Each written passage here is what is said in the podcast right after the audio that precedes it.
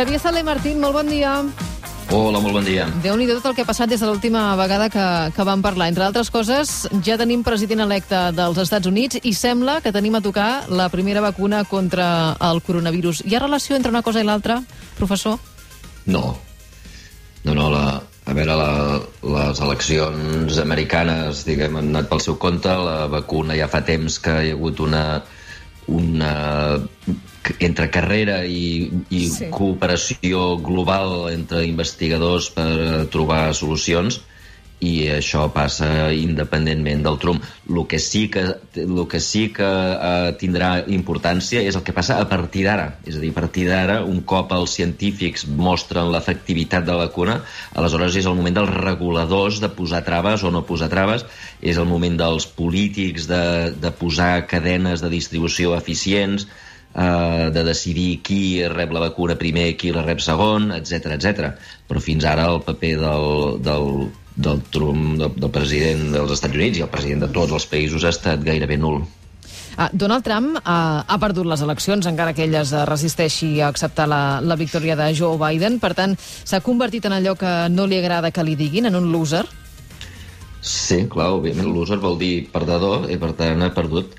Uh, I ha perdut, eh, diguem, és veritat que cal esperar i cal respectar els procediments, uh, uh, hi ha recomptes, alguns recomptes que es fan de manera automàtica perquè si guanyes per menys de 0,5%, doncs uh, en estats com Pensilvània doncs automàticament es fa recompte, hi haurà lloc, altres llocs que el Trump demanarà recompte, és veritat que posarà impediments legals o posarà uh, denúncies i aquestes denúncies han de seguir el seu curs, diguem, el sistema ha de funcionar, els jutges han de parlar, però diguem les dades que tenim fins ara és que ha perdut més o menys per uns eh, ara, ara mateix uns 4 milions i mig de vots de diferència eh, que, i que diguem que segurament quan acabin de comptar, que ara falten 2% de, de paperetes per comptar, arribarà a uns 7 milions i per posar un exemple, 7 milions de diferència, eh? 7 milions entre el, Sí. el, el, el Biden i el, i el Trump.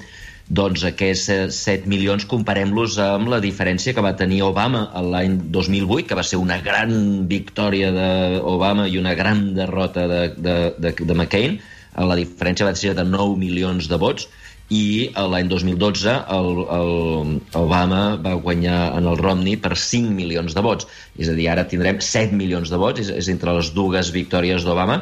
Ningú va qüestionar eh, que, que McCain o Romney havien perdut, totalment, tothom va dir que havia perdut i per tant estem davant d'una d'una derrota similar. Això sí, cal esperar al final i cal seguir els procediments, les lleis democràtiques dels països democràtics democràtics s'han de, s'han de seguir i si hi ha denúncies, doncs els jutges les han de mirar. Si veuen que no tenen mèrit, doncs, doncs eh, fora.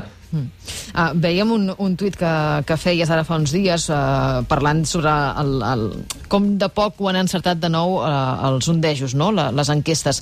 S'ho han de tornar a fer mirar els enquestadors?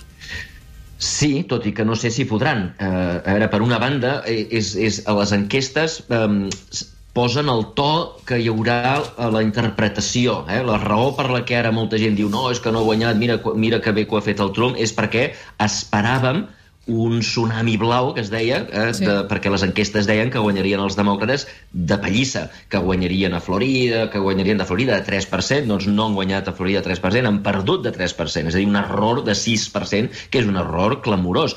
A, a Florida i a tots els altres estats la magnitud de la victòria que es preveia era molt més gran.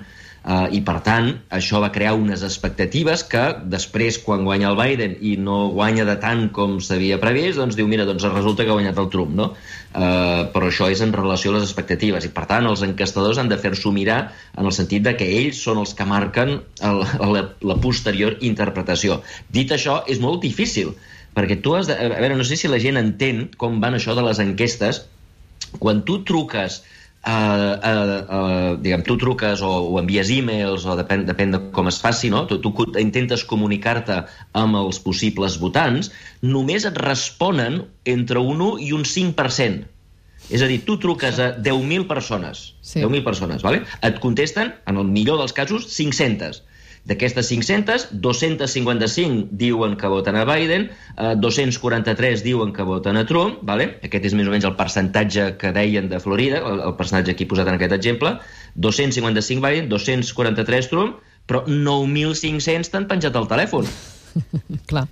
I els 9.500 són els que acabaran votant. I, per tant, els encastadors, basant-se en la informació dels que han contestat, han d'intentar inferir què és el que volen els 9.500 que t'han penjat. I clar, això és dificilíssim, no? Perquè la gent que contesta és diferent de la que ha penjat. Els que han penjat o són maleducats o són antisistema, que molta gent del Trump són antisistema, no? Diu, jo passo de parlar amb els encastadors, passo de parlar amb la gent... Eh? I llavors, tu, eh, clar, aquesta inferència de què faran 9.500 persones basant eh, que, que t'han penjat, basant en el que et diuen els 500 que no t'han penjat, és molt difícil. Per tant, hem d'entendre que la feina de l'encastador és molt complicada. Ara, eh, la importància que al final tothom dona a les enquestes és tan gran que jo crec que han d'intentar millorar el sistema perquè clarament s'han equivocat i s'han equivocat en la mateixa direcció de l'any 2016. Igual, sí. Eh, és a dir, les correccions que han fet no han servit per res. Um, ara tenim a Trump, com dèiem, eh, que no reconeix la victòria de Joe Biden. Tu creus que, que pot arribar a... Ho parlàvem l'altre dia amb la Laia Balcells, una professora a la Universitat de Georgetown, i li dèiem, sí, eh, es pot arribar a trinxerar a la Casa Blanca? Em deia, bé, és una opció, un escenari una mica pel·liculero, però tu creus que pot, eh, ens podem trobar en aquesta situació, que Trump es negui a sortir de la Casa Blanca? Uh, bueno, hauran d'anar al SWAT allò, sí, els bombers a, a desenganxar-lo de la cadira i després, un cop els bombers l'hagin desenganxat, les, alguna grua que el tregui. Uh, a veure, eh, eh, sí, pot ser, pot ser que el tio es negui, però és clar, el dia 20 uh, ell deixarà de ser president. Uh, I si no és president, doncs, escolta'm, la, la, la policia i els bombers i tothom haurà d'entrar allà i a treure'l perquè és un, és un, un, un ocupa de la Casa Blanca i se l'haurà de tractar com a qualsevol altre ocupa, no? Se igual hem d'enviar la policia de Barcelona, que són molt bons desallotjant a ocupes. Els queda una mica lluny, eh, aquesta ocupació, sí. per això. Uh, els que sí que han aplaudit uh, els resultats uh, d'aquestes eleccions són els mercats, les borses. Com interpretes la reacció que, que han tingut els mercats? Sobretot les companyies tecnològiques. A veure, les, el, els mercats... Primera, és, és complicat saber la relació eh, dels mercats eh, el que ha passat amb els mercats perquè coincidir, va coincidir, almenys els mercats americans, amb la presentació de la vacuna Clar. de Pfizer. Sí. Uh, i per tant no, diguem, se recorda que, que el, el resultat es, va, es va declarar guanyador, almenys els mitjans de comunicació van declarar guanyador el Biden aquest cap de setmana, per tant els mercats estaven tancats i al principi quan tornen a obrir eh, doncs són, diguem, ja tenim la vacuna i per tant és difícil saber quina part ve de la vacuna i quina part ve del, del, de, de, de la victòria del Biden. Um, tot i que sí que podem esbrinar una mica que una gran part d'això és la vacuna, per què? Doncs perquè Europa uh, això va agafar a meitat, a la meitat del dia. És a dir, si tu mires el moviment d'Europa, eh, ja, ja sabíem que havia guanyat el Trump, i la cosa no, no era espectacularment alta. En el moment que surt la vacuna, pum, pugen tots els mercats, incluït l'IBEX, un, un 10%, i per tant una gran part de la pujada és per la, per la vacuna.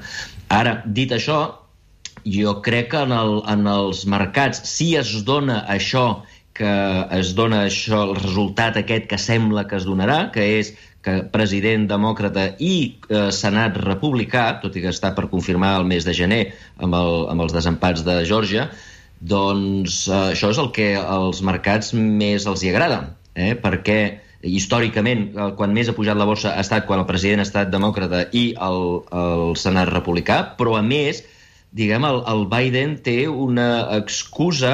Recordeu que el Partit Demòcrata és, és un partit molt variat, que va des de l'extrema esquerra fins a la gent molt de dretes, però que no són republicans.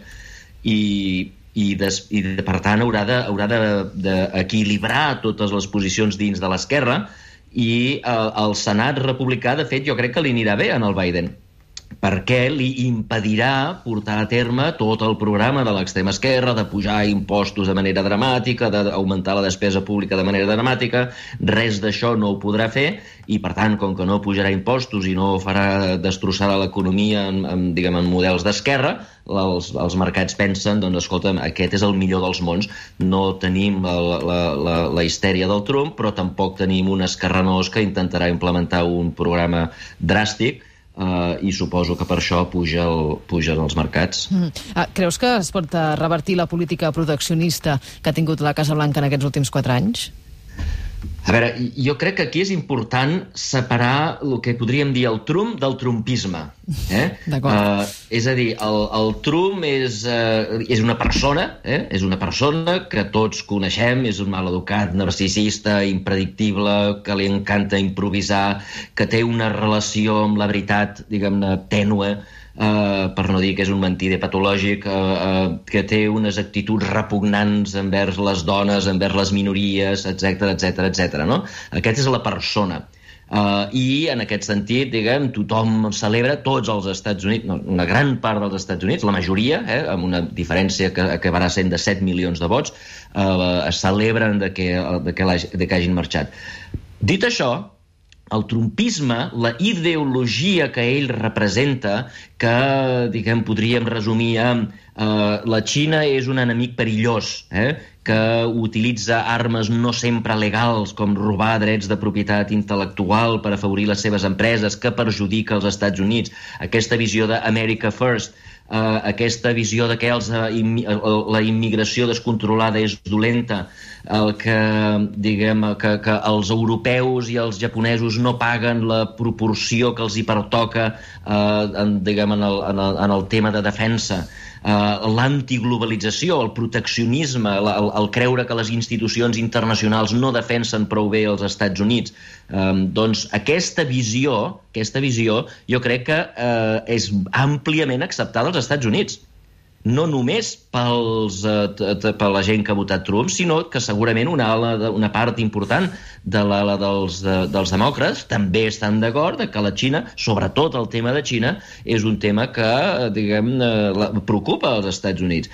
I, I, per tant, que ningú es pensi que que un cop ha fet fora el Trump, eh, fet fora el senyor maleducat de cula taronja que impredicible i narcisista i, i tot això, eh, un cop treta la persona, la personalitat, les seves idees no quedin perquè una gran part del poble americà les defensa. I, en particular, amb el tema de la Xina, no, que ningú es pensi que tornarem a l'era Obama. Per exemple, Uh, tothom sap que tothom sap que les, la, la, la carrera per la tecnologia 5G està dominada per l'empresa Huawei i molta gent, inclosos alguns països europeus, uh, estan preocupats per introduir la tecnologia de Huawei perquè això pot permetre al govern xinès espiar o manipular o, o, o, o, o, o d'alguna manera prendre avantatge de les cadenes de comunicació uh, occidentals. Uh, aquesta visió jo crec que roman i, per tant, jo crec que el, el, no serà tan fàcil, no serà tan automàtic que el, el, els Estats Units capgirin la seva posició i de sobte abracin a, a la Xina com un, un amic i cantarem com, com, junts el conveiar. El que sí que passarà és que donarà la sensació de què és diferent, perquè l'estil serà diferent, l'estil serà més amicable, no serà tan maleducat, serà un to diferent, eh, intentarà teixir aliances amb, els, amb la resta d'occidentals, farà una gran coalició de democràcies en contra de les dictadures eh, xinesa, àrab, eh, etc, russa, etc etc. no?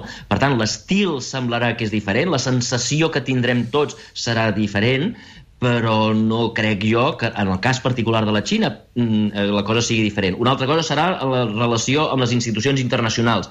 Eh? Ja ha dit Biden que entrarà el dia 1, el primer que farà serà reincorporar-se reincorporar en els acords de París del canvi climàtic, sí. ja ha dit que no sortirà de l'Organització Mundial de la Salut, per tant, en el tema de les institucions, que, que una part del poble americà és molt antiglobalisme, eh, com si fossin de Podemos o de la CUP, eh?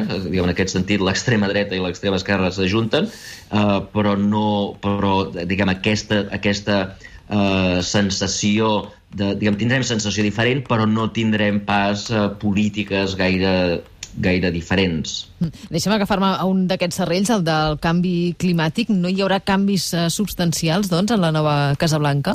Sí, sí, sí, sí en el canvi climàtic sí que hi haurà... Sí, sí, en el canvi climàtic sí. Uh, I en algunes coses, com l'exemple de la Xina, això, això diguem, uh, diguem es, uh, uh, no canviarà massa. En d'altres, en les coses de, internacionals, eh, la, la, les institucions internacionals, una d'elles l'acord de París, uh, canviarà, però no només perquè l'estil serà diferent, sinó perquè eh, aquí hi ha una majoria de, de nord-americans que creuen que el canvi climàtic és un gran problema. Eh, si vas a Califòrnia gairebé la, és unànim la, la, la, la creença i, per tant, eh, diguem, aquí tindrà el suport del poble americà i, a més, ell és un gran, un gran defensor eh, de la lluita contra el canvi climàtic. Jo crec que aquí ell hi posarà molt de la seva part perquè és una de les coses que ell defensa, que ell creu, i per tant no només entrarà als acords de París de manera nominal i per, tirar, i per fer enrere tot el que ha fet el Trump, sinó perquè realment hi creu i, i dit, dit això, també és veritat que es trobarà amb els lobbies eh, petroliers dels Estats Units. Eh, tots recordeu que fa un parell de setmanes va fer una vedada i va, diguem que gairebé li costa l'elecció, que, que es va fer molt, molt, molt eh, popular amb la gent que es va espantar, que van dir que ell volia eh, reduir o, o diguem, volia, volia eliminar el sector petrolier dels Estats Units. El que volia dir és que eliminaria els subsidis que reben les empreses petrolieres, eliminar els subsidis, però, clar, molta gent viu del, de la producció de petroli, és, és el país que més petroli produeix ara mateix gràcies al fracking del món, i per tant, eh, eh, i per tant haurà d'anar en compte eh, el tema de canvi climàtic, haurà d'equilibrar eh, el lobby petrolier amb, el, amb la amb, diguem, amb la voluntat popular de lluitar contra el canvi climàtic. Doncs veurem uh, què ens esperen aquests uh, propers quatre anys. Bé, de moment veurem què ens esperen les properes setmanes, si Donald Trump acaba acceptant o no aquesta derrota electoral. Xavier Sala i Martín, moltíssimes gràcies. Un plaer, com gràcies sempre. Gràcies a vosaltres. Bon dia.